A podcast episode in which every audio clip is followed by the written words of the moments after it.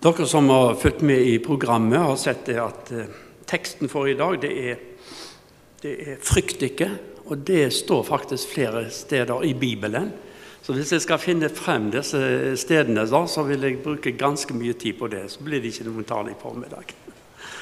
Ok. Men iallfall et, et, et budskap ifra Gud. Tenk vi skal slippe oss å frykte. Men vi skal be sammen. Kjekt å se dere. Eh, jeg er imponert over at det er såpass mange som kommer i dag, fordi at i dag er det fridag, ikke sant vel? Og så er det regn og alle slike ting, så det kunne vært godt å sitte i sofakroken. Men det, det, dere har valgt å komme hit, og vi syns det er veldig kjekt å være her. Skal vi sammen be. Kjære Jesus, nå takker jeg deg fordi at du er midt iblant oss nå. Og takk fordi at vi har fått lov til å feire din, ditt komme til jorden. Takk fordi at du var villig til å komme. Og så takker vi deg fordi at vi har Bibelen, Guds ord, som eh, gjelder for oss, ikke bare for de som levde på 2000-tallet, nei, på, på 0-tallet, da Jesus eh, ble født. Men takk fordi at du, du, er interessert i oss og hjelper oss i dag, og du er med oss i dag også. Takk skal du ha. Velsign du ditt eget ord for våre hjerter i Jesu navn. Amen.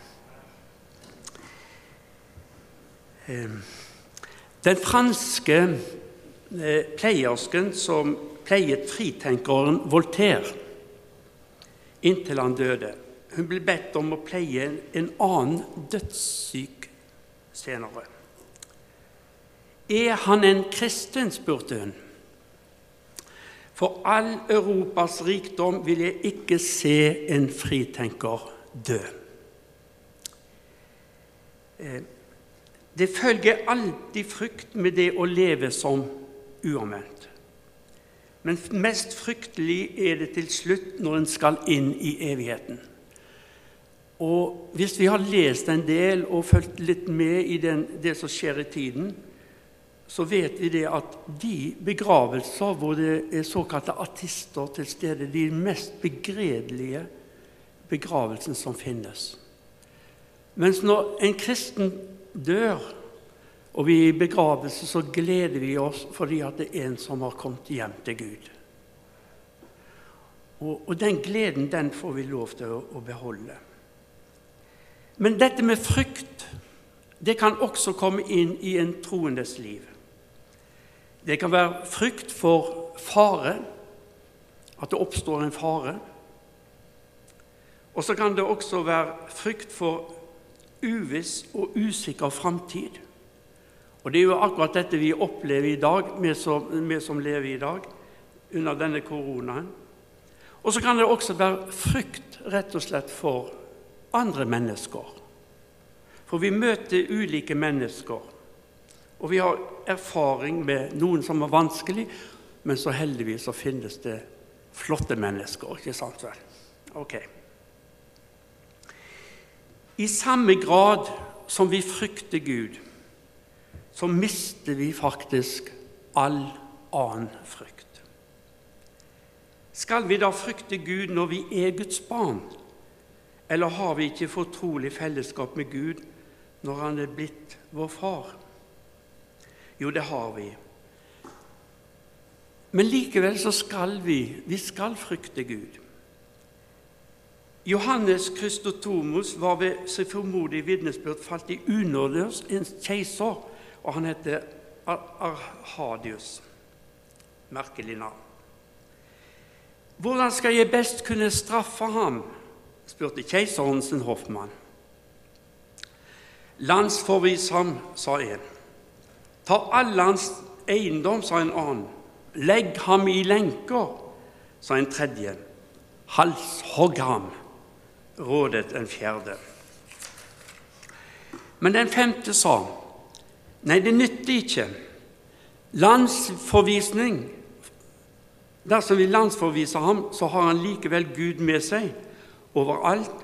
Og det vil si at han har et hjem, og han har en lykke i det. Men tar du hans eiendom, så tar du jo bare fra de fattige, som han gir alt som han har til. Og kaster du ham i fengsel, så kysser han jernlenkene. fordi det hjelper ham til å kunne tale med sin Gud uforstyrret. Og dersom du halshogger ham, så åpner du jo bare himmelen for ham. Nei, dersom du virkelig vil straffe ham og skade ham, så få ham til å synde. Han frykter bare en eneste ting å synde mot sin Gud. Og vi skal være redde, vi som kalles oss for kristne, vi skal være redde for å tilføre Guds sorg. Derfor er vår rette frykt ikke menneskefrykt eller frykt for omkostningene ved å følge Jesus, men frykten for å synde og falle i synd. Men dernest skal vi frykte for å miste Vi skal frykte for å miste barneforholdet, dette gode forholdet mellom meg og Gud. Gud som er med far, Jesus som er med bror og frelser. Fordi synden den skiller oss ifra Gud. Den ødelegger faktisk sjelen. Og Det står et vers i Matteus 10, 28. Der står det slik Vær derfor vær ikke redde for dem som dreper kroppen, men ikke kan drepe sjelen. Frykt heller for ham som kan ødelegge både sjel og kropp i helvete. Og Enkelte de, de, tolker det slik at dette er snakk om Gud. Nei, det er ikke snakk om Gud. Det er snakk om vår fiende Satan. Og Det som han gjør når et menneske kommer i fortapelsen, det er å pine og plage vedkommende det som Jesus gjør i den sammenheng, er det at han har sorg og gråt over de som er gått fortapt. Og Så kommer det en dommens dag, men den er langt framme, kanskje. Jeg vet ikke. Men iallfall så har vi en fiende som det er fryktelig å falle i nevene på. Hver eneste disippel som er engstelig, vet hvor han skal gå med sin frykt. Og når han vender seg til Gud, så lyder et sterkt og trygt Frykt ikke. Hvorfor er dere redde, dere lite troende? sa Jesus da disiplene i dødsangst ropte til ham i båten. En kristens frykt den kommer alltid av en svak tro. Men og dette er trøsten. Når den svake troen vender seg til Jesus, så driver Jesus frykten ut. Det var det som skjedde også med disiplene. De ble glade fordi de så Jesus var iblant dem, og han redda dem ut av stormen. Vær ikke bekymret, sier Jesus til alle som er bekymret for mat, drikke og klær. Frykt ikke, lød det julenatt fra englene til de redde hyrdene. Og det samme sa engelen til Maria. Og De første ordene fra himmelen påskemorgenen til kvinnen ved Jesu grav var Forferdes ikke, forferdes ikke. Frykt ikke. Og Jesu hilsen da disiplene hadde lukket døren av frykt, lød slik.: Fred være med dere. Hvorfor er dere redde.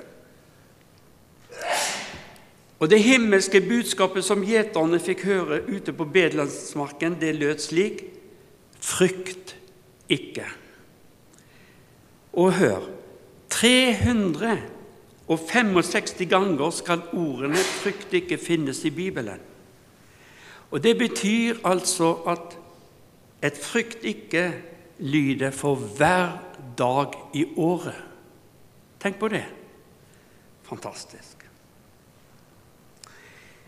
Tenk hvilken lykke det ville bli for alle de som er så fulle av frykt, om denne hilsen fra himmelen hadde nådd inn til deres hjerter. Og det er viktig at ikke det bare blir ord som flyter fram, men at det er noe som går inn i hjerteroten. Budskapet til gjeterne lød 'Jeg kommer til dere med bud om en stor glede. Og Noe mer gledelig enn det som her forkynnes, det eksisterer ikke i hele verden. Og budskapet til eh, disse gjeterne lød videre I dag er det født dere en frelser i Davids stad. En frelser. Og noe større og bedre kunne aldri bli født. Det var en frelser som ble født. Og Jesus er mester i det å frelse. Hebreerne 7,25 forteller at han kan fullkomment frelse. Han kan fullkomment frelse. Han frelser fra synd, han frelser ifra dom, og han frelser ifra straff.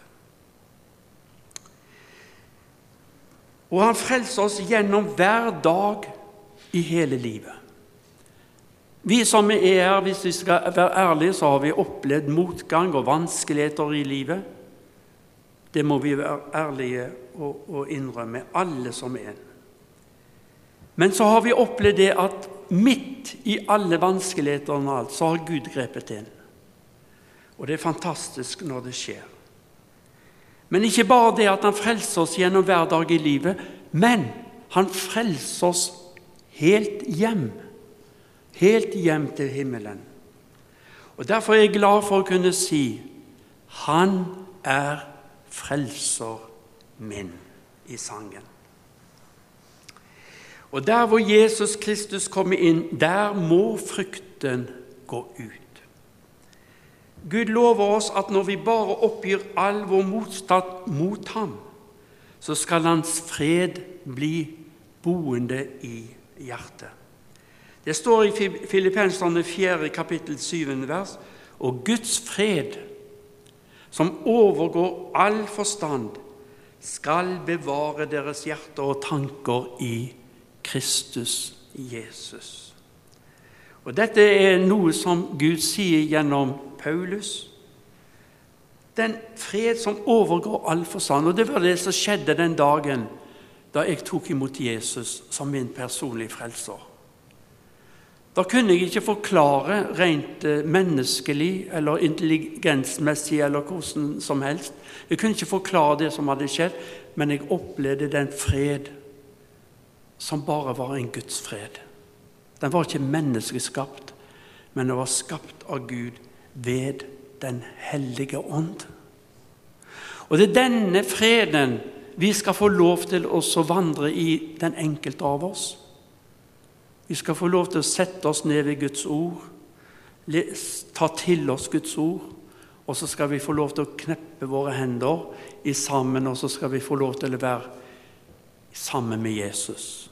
Kanskje ensomt, men sammen med han, eller sammen med Jesus med enn andre mennesker. Guds plan med våre liv den er fullkommen, og ingen detalj er uteglemt. og Derfor skal vi glede oss over å tilhøre Jesus Kristus.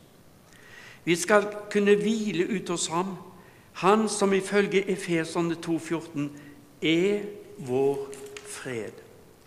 Han er den som hjelper deg og meg gjennom livet både gleden og ikke minst, som vi sang i lovsangen her, ikke minst i sorgen. Han er med i gleden og i sorgen. Og Det, merket, det opplevde også Jesus når han var i Getsemane. Da var han fylt av sorg med tanke på alt det at vennene sviktet han, hva han skulle gå igjennom om han ville klare det. Men da var det at Gud grep inn. Ga ny kraft, styrke slik at han fikk gjennomføre det han virkelig var kommet til verden for, å frelse din og min sjel. I Romerne 14, 7 så leser vi at Guds rike består i rettferdighet, fred og glede. Noe som betyr at Guds fred skal være som en festning for meg i livet. Så når fienden forsøker å ta seg inn, våger jeg å være rolig, for Guds fred, den bevare meg. Frykter jeg min tro å miste, Jesus holder fast. Vil til fall meg Satan friste, Jesus holder fast. Han meg holder fast, for min frelser elsker meg, han meg holder fast.